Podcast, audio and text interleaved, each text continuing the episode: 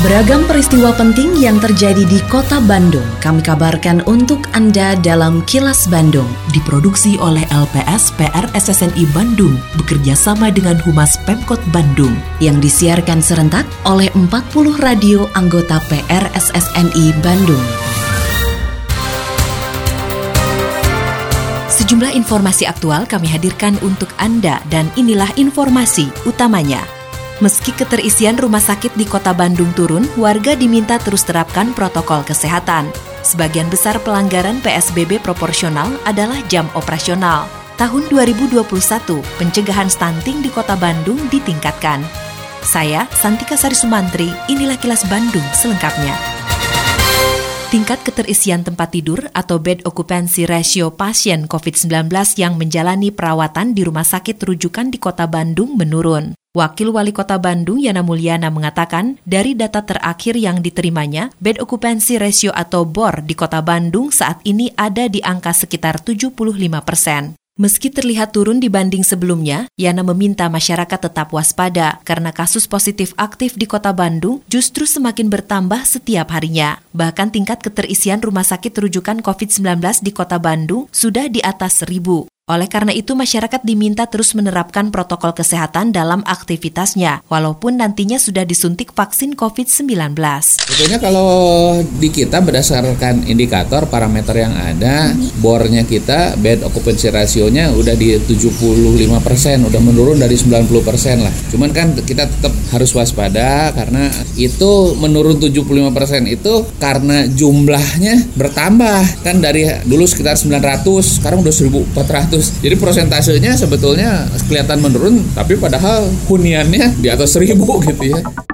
Sebagian besar pelanggaran protokol kesehatan yang ditemukan selama dua pekan pelaksanaan pembatasan sosial berskala besar atau PSBB proporsional di Kota Bandung adalah jam operasional tempat usaha. Kepala Bidang Penegakan Produk Daerah Satpol PP Kota Bandung, Idris Kuswandi mengatakan, pelanggaran jam operasional yang dilakukan berupa mendahului dan melebihi ketentuan mengenai waktu buka tempat usaha. Terhadap pelanggaran tersebut, ada yang dikenal teguran dan ada juga yang dikenai sanksi administratif berupa denda. Idris mengatakan dalam dua pekan masa PSBB proporsional di kota Bandung, ada 31 pelanggaran tempat usaha dan 10 di antaranya dilakukan penyegelan.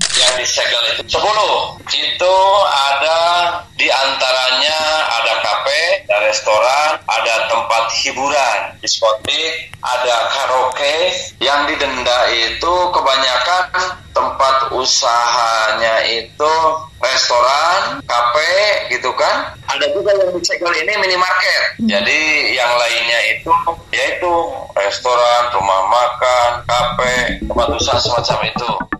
Selama masa pandemi COVID-19, perusahaan daerah air minum atau PDAM Tirtawening Kota Bandung mengaku rugi hingga mencapai 5 miliar rupiah per bulan. Hal ini lantaran banyak kendala yang dialami dari mulai penagihan, pencatatan hingga pembayaran. Direktur Utama PDAM Tirtawening Kota Bandung, Soni Salimi mengatakan, selama masa pandemi, pencatatan dilakukan secara manual sehingga berdampak terhadap akurasi penggunaan air pelanggan. Padahal selama pandemi terjadi penggunaan air yang meningkat. Sedangkan di sisi penagihan terjadi kendala karena warga enggan membayar langsung ke loket akibat pandemi COVID-19, tapi mereka juga tidak memiliki rekening untuk membayar secara non-tunai melalui virtual akun PDAM. Selain itu penagihan langsung oleh petugas juga dihentikan. Di sisi lain, pelanggan dari sektor bisnis seperti mal, hotel, dan restoran juga mengalami kesulitan keuangan karena berkurangnya pendapatan akibat terdampak pandemi COVID-19. Proses pengolahan air sampai dengan pendistribusian itu tidak terganggu. Namun pada proses pencatatan itu terganggu. Kenapa terganggu? Konsumen kita kan ada di 170-an ribu ya. Maka saya mengambil kebijakan selama 4 bulan, kalau tidak atau 3 bulan ya, tidak dilakukan pencatatan pencatatan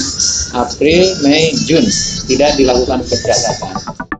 Upaya pencegahan dan penanganan stunting atau balita gagal tumbuh di Kota Bandung terus ditingkatkan di tahun 2021 ini. Ketua Forum Bandung Sehat Siti Muntamah atau Umi Oded mengatakan peningkatan ini dilakukan karena terjadi kenaikan angka stunting sebesar 3 persen pada Desember tahun 2020 lalu. Upaya peningkatan pencegahan stunting tersebut di antaranya melalui pemberian pangan aman sehat kepada ibu hamil dan bayi usia di bawah 2 tahun. Selain itu penambahan sarana dan prasarana posyandu, termasuk meningkatkan kapasitas kader posyandu yang menjadi pendamping keluarga stunting, serta peningkatan akses sanitasi keluarga. Karena ternyata salah satu catatan yang kita lihat bahwa sarana dan prasarana di posyandu yang ada 1988 posyandu yang ada di kota Bandung ini belum semuanya memiliki alat ukur yang standar gitu ya. Yang ketiganya adalah meningkatkan kapasitas kader posyandu di dalam mendampingi, mengedukasi keluarga stunting, anak yang stunting, plus melakukan pengukuran yang benar. Polresta Bandung mengamankan 14 orang warga desa Cimenyan, Kabupaten Bandung yang melakukan pengeroyokan terhadap dua orang pria yang menyebabkan seorang di antaranya tewas. Kapolresta Bandung Komisaris Besar Polisi Hendra Kurniawan menjelaskan para pelaku melakukan penganiayaan kepada dua orang di Kampung Caringin Tilu atau Cartil, Desa Cimenyan, Kecamatan Cimenyan, Kabupaten Bandung. Aksi penganiayaan dilakukan karena para pelaku yang merupakan petani sayuran merasa gerah akibat perbuatan korban yang kerap memalak mereka. Menurut Hendra, dalam menjalankan aksinya para pelaku melakukan penganiayaan dengan menggunakan tangan kosong dan sejumlah benda tumpul, seperti batu bata dan satu batang besi. Ini salah satu pelaku di sini kemudian mengajak korban minum kopi di warung. Tidak berapa lama datang rombongan berjumlah 14 orang ini dan melakukan tindakan penganiayaan yang mengakibatkan satu orang meninggal dunia dan satu orang kondisi luka parah. Korban ini kami cek di Polsek Cimenyan dilaporkan oleh mereka ini sering melakukan pemerasan. Kini, audio podcast siaran Kilas Bandung dan berbagai informasi menarik lainnya bisa Anda akses di laman kilasbandungnews.com.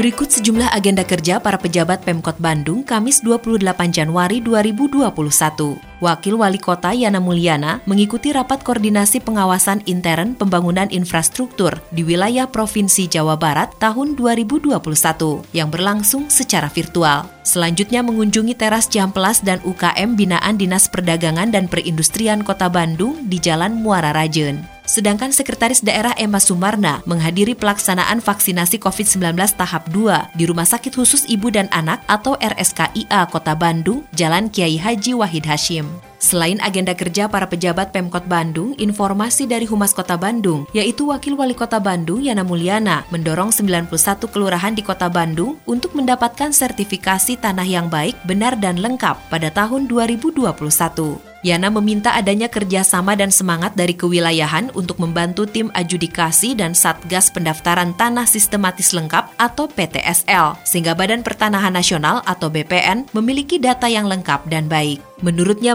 melalui penyusunan PTSL diharapkan masyarakat dapat melaksanakan pendaftaran tanah untuk memperoleh perlindungan dan kepastian hukum atas hak-haknya. Yana menyatakan ke depannya bakal berkunjung ke beberapa kelurahan untuk memberi semangat dan pemahaman kepada masyarakat dalam menyelesaikan bidang tanah di kota Bandung agar terdata secara baik dan benar.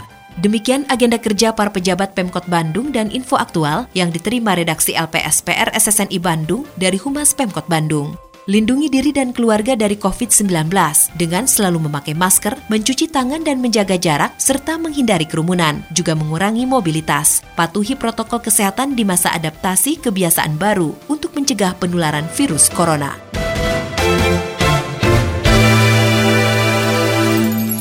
Terima kasih Anda telah menyimak Kilas Bandung bekerja sama dengan Humas Pemerintah Kota Bandung yang diproduksi oleh LPSPR SSNI Bandung.